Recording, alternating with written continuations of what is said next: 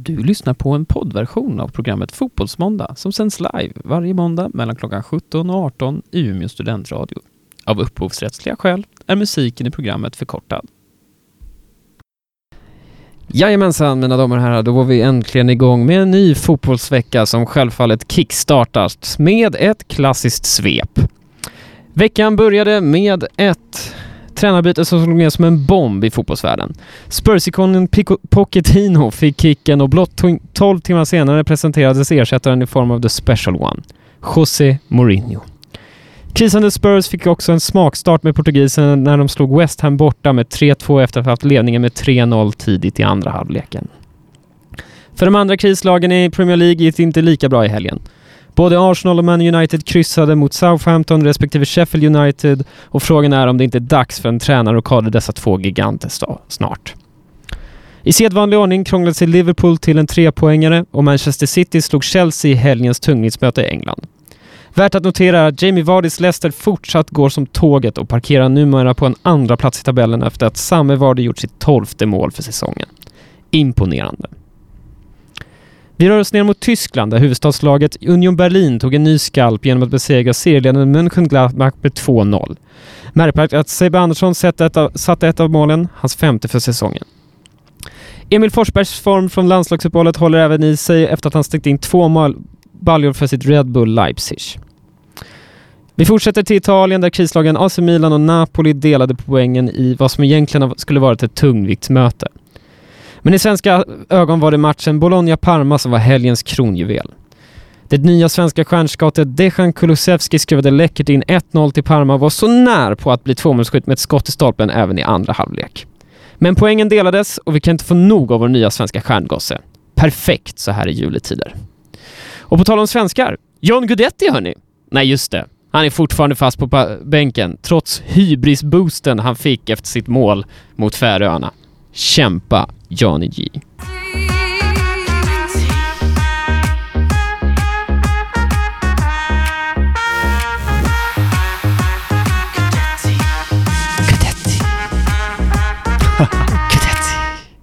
Jajamensan, välkomna tillbaks! Nytt avsnitt Fotbollsmåndag. Skönt. 21 i ordningen. Oj! Ja, vi rullar på här vet du. Vi rullar Verkligen. på. Eh, sitter här i sedvanlig ordning i studion, eh, Umeå studentradio. Rickard sitter i vanlig ordning framför mig här. Eh, det har varit lite turbulent vecka. Det har varit en bra fotbollsvecka tycker jag. Ja, men jag måste Ehm, säga det.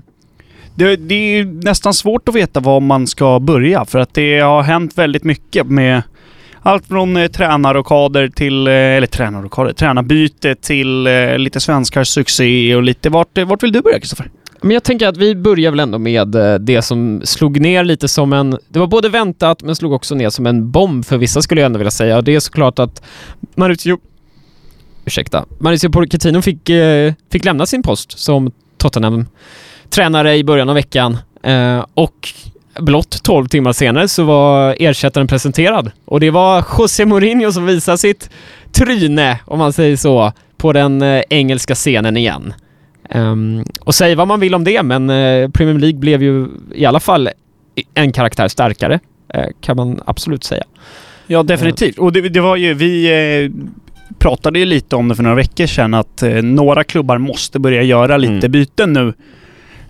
För att den där listan med de bästa tränarna som inte har jobb, den kommer att minskas. Och nu är det ju en profil mindre där. José Mm. Mourinho har ett jobb nu. Tog Tottenham, vilket jag tyckte var lite eh, oväntat sådär. Han han har alltid känt så himla Chelsea och gillat dem så mycket. Jag tyckte till och med det var oväntat att han tog United, som ändå inte är i samma stad. Nu tar han eh, stadsrivalen Tottenham.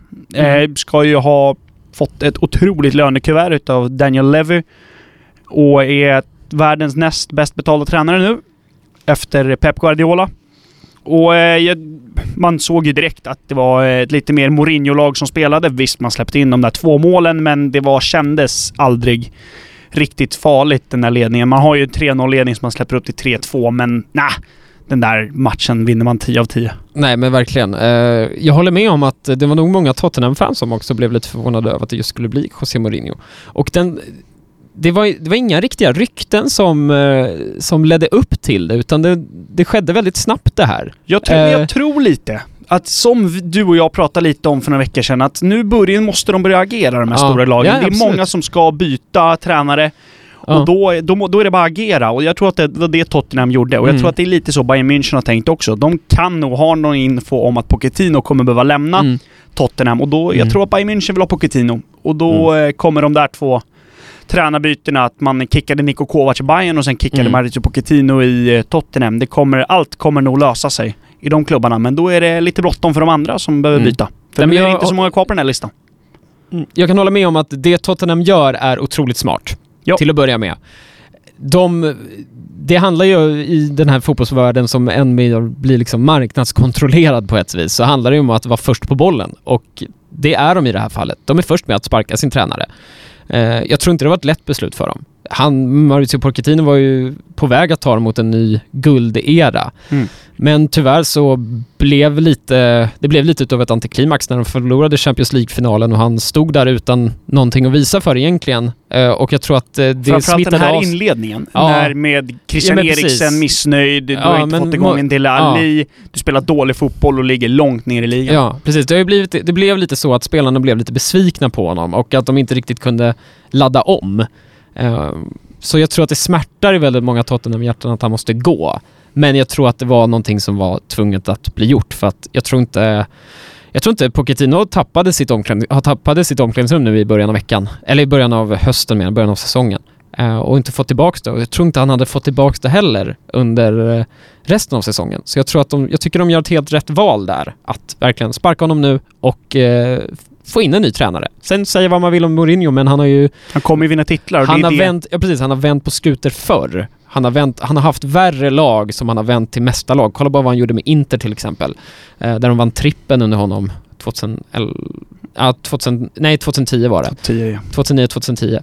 Så att eh, det ska bli jätteintressant att se honom. Eh, jag som en Arsenal-supporter försöker ju se objektivt på det såklart. Men eh, det ska bli kul att se Mourinho tillbaka i Premier League. Eh, det jag tänker också, en Tottenham-supporter har ju inte direkt fått ett överflöd av titlar. Mm. Och om det är något José Mourinho är bra på är det att vinna titlar. Det har han ju Absolut. gjort i hela sin karriär. Ja. Det, han har gjort det med i princip varenda lag han har haft, vunnit en titel. Mm. Och det tror jag man kommer kunna göra med, eh, med Mourinho i år också. Mm. Även om det skulle vara en FA-cup eller om man skulle bli utslagen i Champions League och gå till Europa League. Nu ser jag det som väldigt otroligt, Mm. men du förstår vad jag menar. Det finns mycket större chans att få en titel med José Mourinho än vad det gjorde med Mauricio Pochettino. För Mm. Mourinho har gjort det förr. Ja, men jag håller med. Helt, helt och hållet. Eh, men om vi ska spekulera lite då, om vi tar upp det här, alltså tränarcirkusen. För nu har ju då Tottenham lite så här eh, draw Först. first blood brukar man ju säga. Ja. De, har ju, de har ju kickat Pochettino nu och det finns ju andra stora, kri- alltså stora lag i Premier League som krisar för tillfället. Pratar framförallt om Arsenal Ja. eh, som spelar 2-2 mot Southampton. Visade ännu upp en bedrövlig insats eh, på hemmaplan dessutom. Mot ett Defensivt framförallt. Det ser Ja, så dåligt defensivt ser det otroligt oroligt ut. Och Mm. offensivt, det smittar av sig på offensiven tyvärr. Det finns otroliga kvaliteter Samtidigt framåt ju- men... Ett Arsenal som gör två mål på Southampton ska väl vinna? Ja, alltså det, i mina ögon ska det ju vara så. Ja. Och det jag tänker med Arsenal, om de nu ska kicka Unai Emery, eh, så måste man nog göra det rätt snabbt. För att den tränare som hade varit perfekt för Arsenal, det är i mina ögon Max Allegri. Mm. Som ju alltid har börjat bygga bakifrån som han gjorde med Juventus. Ja. Och då är, det, då är det helt rätt tränare för Arsenal. Mm. Om han får in sin filosofi i försvarsspelet, att han står lägre med backlinjen, du kanske vill köra en Mm. treback som till fembacks och spela en, en eh, Allegri-fotboll, förlåt. Då Ja. kommer det att bli succé för Arsenal. Men Mm. det är andra klubbar som behöver byta tränare och Mm. jag ser knappt någon tränare där ute som är lika bra som Massimiliano Allegri. Nej. Därför tror jag att Arsenal måste, de måste göra någonting inom två veckor. Annars är det för sent. Mm. Det snackades ju om att Unai Emery hade fått eh, tre matcher på sig. Från, vad var det? Och hur många matcher sen var det? Ja, det var nog Sheffield United-matchen. Då. Okej, så det är en, han har en match till. Ja, Jag tror han, han har en match till på sig att fixa en seger, för nu har det varit... Eh, Två raka kryss va? ja, det, han har... Jag tror han till och med har fler än så. Ja. Sett till, sett till matcherna som de har tagit poäng i Arsenal nu, så tror jag att det är fem kryss i Premier League. Vilket är ett bedrövligt resultat. Ja, det är för dåligt. Det går liksom inte. Eh, så jag, jag tror faktiskt det kommer hända grejer denna veckan också. Det Och- skulle inte förvåna mig om Unai Emery faktiskt är sparkad på onsdag. Nej. att de, men då måste det ha hänt Va- saker eh, bakom De har kulisserna väl som Europa tidning- League torsdag? Ja, jag tro. Ja, det har de. Gör de det i... Ja, det, tror, Gör de de det innan? väl. Ja, Jag vet de inte vad de har för matcher. Men det. de är väl klara ändå i Europa League typ. De har väl typ vunnit allt. Ja, det har de. Eh, nu spelade de lika senast. Det var väl då PP gjorde sina första. Mm, Men sådana saker också. Du kan inte ha en, en tränare som Unai Emery, som ju har vunnit Europa League massa gånger med Sevilla. Mm. Var inte jättelyckosam i PSG. Visst, han vandrade hem den där ligan, Mm. men det hade jag gjort. Nästan. Ja. Eh, med det laget Paris hade jämfört med de andra när man har plockat isär Monaco och du har, Ja. du har ett Lyon som är sämre och du har ett Marseille utan pengar. Då är det klart att PSG vandrar hem den där ligan Mm. även med Unai Emery. Mm. Och jag tycker att eh, om han inte får igång spelare, om du ska spendera, nu vet jag inte hur mycket pengar det var, men 750 miljoner på Nicolas Pepe Mm. och inte får igång en sån spelare. Alltså han är ju helt värdelös. Han har inte gjort någonting för Arsenal. Nej. Det är ju också någon, ett orosmoment. Mm. Det, är ju, det gör ju att nya spelare inte vill komma till klubben. Du märker av David Luiz spelar jättedåligt. Mm. Det är ju det är också ett jättestort minus för ett Arsenal som ju gärna köper in spelare. De har ju pengar att göra det. Ja, jag håller med. Alltså David Luiz spelar ju som David Luiz spelar när det inte finns en riktig... Ja men när... Jag tror David Luiz är en känslospelare som måste ha en manager som litar på honom. Alltså han måste... Det är ju därför David Luiz spelar så otroligt bra under till exempel Mourinho. Bara för att Mourinho har sån otrolig förmåga att få med sig sina spelare. En förmåga jag tror inte Unai Emery har. Eh, och det är därför jag tror att David Luiz spelar ju som att han inte bryr sig. Han, han skiter ju fullständigt i det, vilket jag tycker är otroligt tråkigt att se, men jag tror också... det är lite också vem man har med sig. Han spelade bra under Unai Emery i PSG, men då hade han Thiago Ja. Silva bredvid sig. Ja, det är sant också. Och det går ju, det går ju inte att han spelar med Shkodran Mustafi bredvid sig. Det Nej. funkar inte, för David Luiz måste ju spela med någon, han tar ju högrisk hela tiden. Ja, ja absolut. Och det går ju inte att ha en Mustafi bredvid då. Det, det funkar ju inte. Nej. Det förstår ju vem som helst. Nej. Så att eh, jag tror på en tränarrockad där. Jag tror att Manchester United kommer behöva göra något också. De eh, spelade ju lika i eh, går kväll. Mm. Tre lika blev det mot Sheffield. Ja. Man låg under med ett 0-2. Och jag tror att det värsta som kunde hända för United var att man vände den där. Nu fick man bara en poäng också. Hade Ja. du vunnit den, då hade, det, visst- då hade det varit så ja man fick tre poäng. Men man tog en poäng nu. Det var inte bra. Det är jag helt övertygad om. Nu ger man Solskjaer lite mer tid, annars hade han rykt i veckan, typ. Mm. Och då hade du fortfarande haft tid att plocka in en eh, Allegri eller en eh, Kovac eller någon som fortfarande finns där ute. Eh, och eh, nej, det där tror inte jag var bra för Manchester United. För att då kommer andra lag hinna. Mm. Hinna plocka. Plocka tränare. Jag håller också med om det. Jag tror inte att eh, Manchester United kommer sparka Solskjaer under den närmsta tiden. Nej, Det han får ju några matcher till nu. Han får ju några matcher till nu. Det får han absolut. Eh, också sett Sheffield har varit, inget ont om Sheffield. Sheffield har varit otroligt bra den här säsongen. Eh, Otroligt är väl ja, men de har gjort det bra tycker Ja, jag. bra. Absolut. Som De har spelat bra, men de har ju spelat bra på sina förutsättningar. Ja, de spelar enkelt och in i boxen. Ja, exakt. Det, de har ju gjort det bra mot, de har slått Arsenal, eh, tagit poäng mot, eh, tagit poäng mot United. Ja. Ehm, och utmanade till och med Liverpool om en poäng. Det var en målvaktstavla som stod emellan, eh, emellan där liksom. Så Mm. att, eh, inget ont om dem, men såklart ska ju ett lag som United slå dem. Eh, det säger vi inte. Men jag håller med dig om att Solskär, han hänger på en skör tråd, men eh, han fick en livlina till nu. Ja. Det fick han. Definitivt. Ja, ska vi ta en... eh, Ska vi, men eh, vi tar en låt nu och sen så förbereder vi oss för att prata lite eh, Italien kanske. Ja, det Ja. gör vi.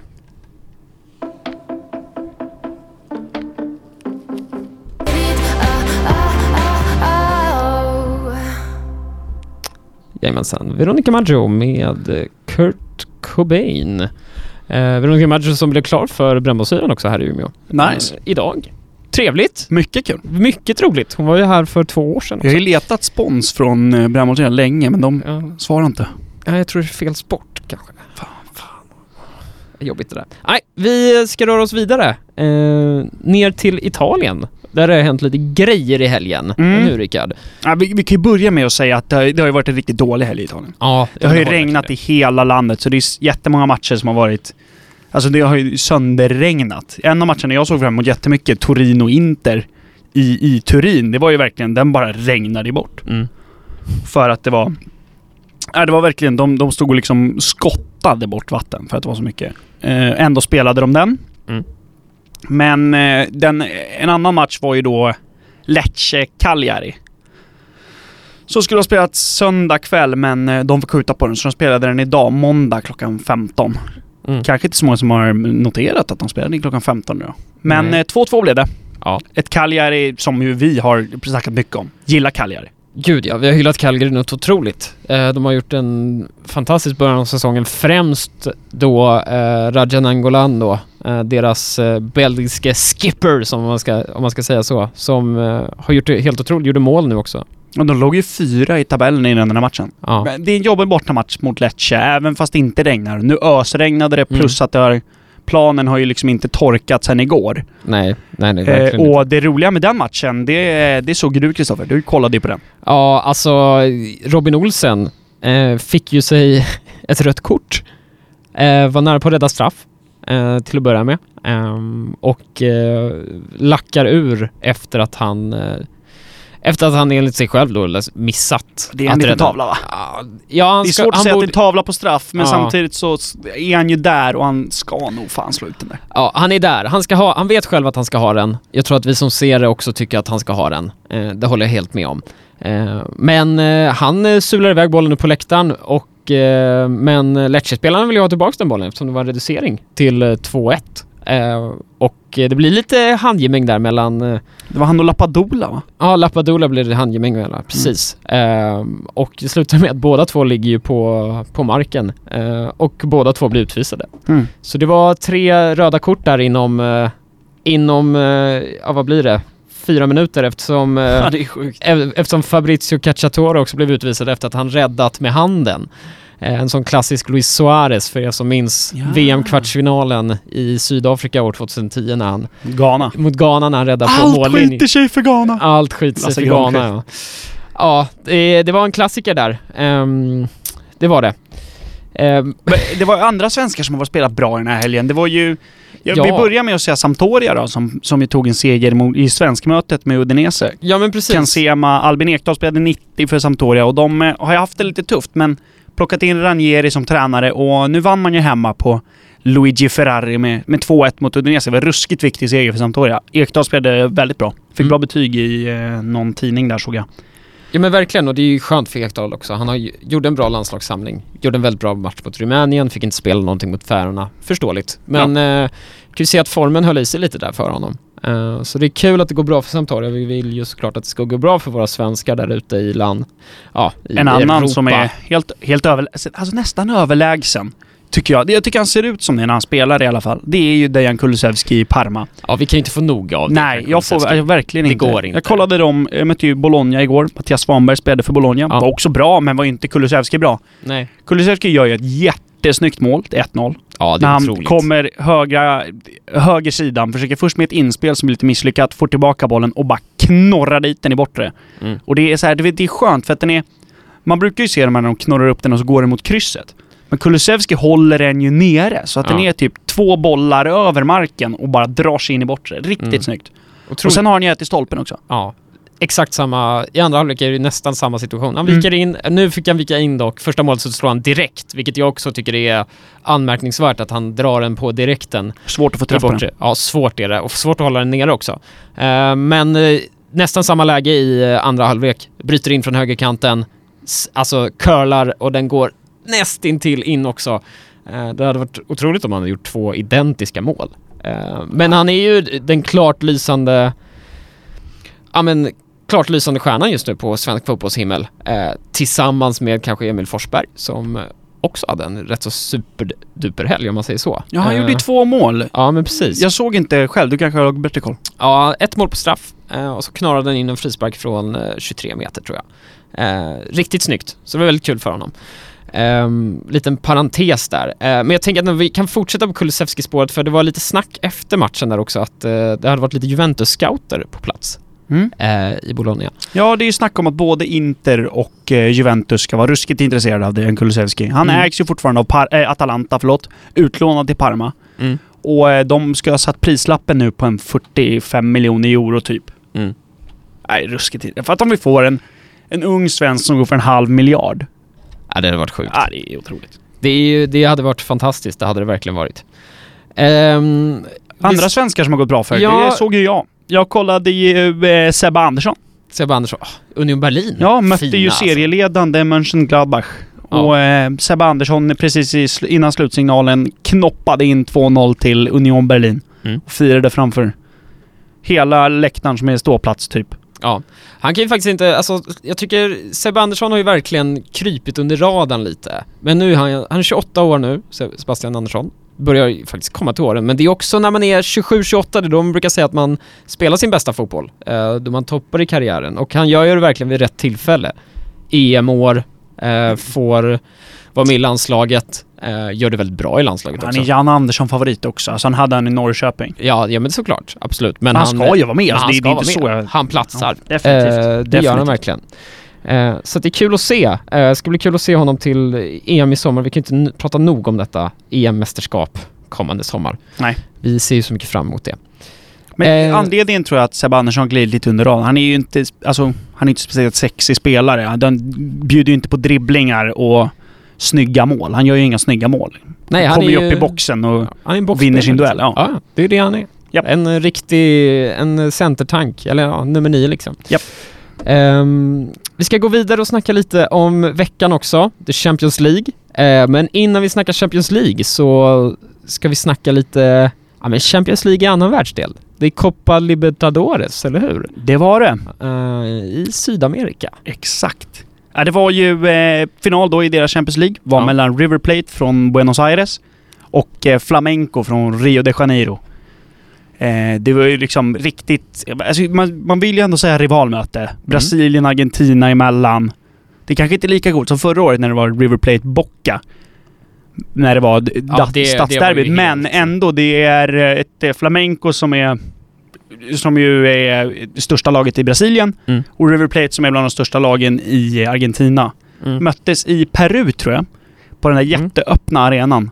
Som tog in en, tog in en 83 000 eller någonting. Så det var helt sjukt mycket folk.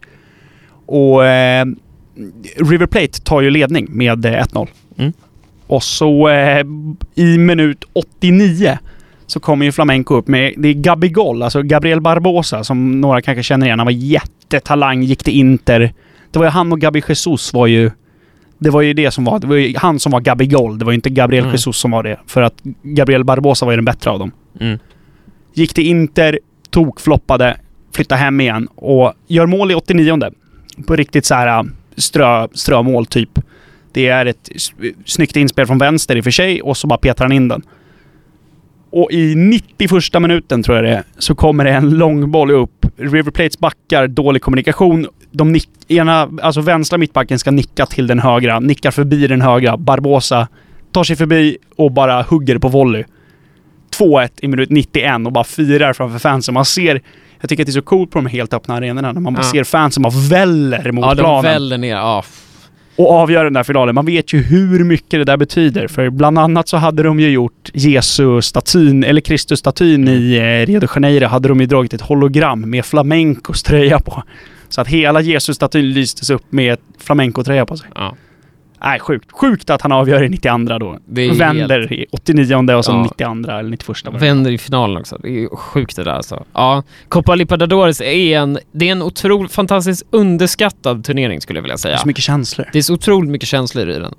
Det finns många jättebra reportage som görs från eh, de, den typen av ev- evenemang från Sydamerika eh, som jag, jag tycker är otroligt roligt att titta på. Så lite tips där, en liten sändes ju faktiskt på svensk TV igår. Ja, det gjorde det. Eurosport hade den. Ja, Ja, Eurosport. Fan, ja kul. coolt. Eh, men vi ska snacka Europeiska Champions League eh, som går av stapeln nu i veckan. Eh, vi har en del toppmatcher att se fram emot. Ja, som ja. alltid med Champions League. Det är Ja, alltid det ska man säga. bra matcher. Eh, tisdag. Vilken ser du mest fram emot, Christopher? Ja, jag... Ja men det är klart. Juventus Atletico Madrid. Vi vet vad vi vill ha. Vi vill ha lite anfallsfotboll. Vi Du vill ha Cristiano Ronaldo Cristiano- gör mål mot Atletico, Ja. som man alltid gör. Joao Felix vill vi se briljera lite Ja. också. Jag tror att det kan bli lite tillknäppt match. Båda är defensiv, defensiva från början. Det är mycket möjligt att det kan bli det. Mm. Eh, det säger jag inte nej till. Eh, en annan match som jag inte tror kommer bli tillknäppt då, det är ju Real Madrid mot PSG. Det blir det inte nej. Jag tror... På Bernabéu. Nej, på Bernabéu. Eh, PSG leder gruppen på 12 poäng. Real Madrid skuggar bakom på 7. Och de har gått rent alltså, PSG. PSG har gått rent. Ja, det är de, Bayern München och någon till som har gått helt rent va? Mm. Ja, jag tror det. Jag tror det också. Jag är inte helt säker på vilka som har gått helt rent. Dåligt av oss. Det är lite dåligt. Eh, ber om ursäkt för det.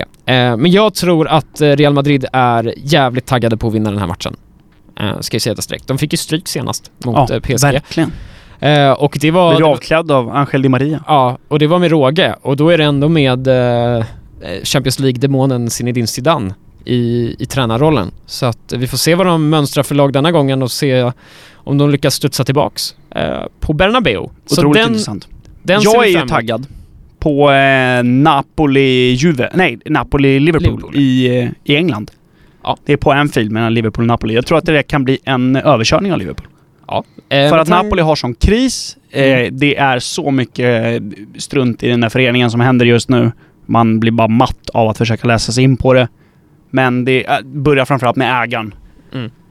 Som jag ställt till med massvis med problem. Och eh, Liverpool i sån harmoni.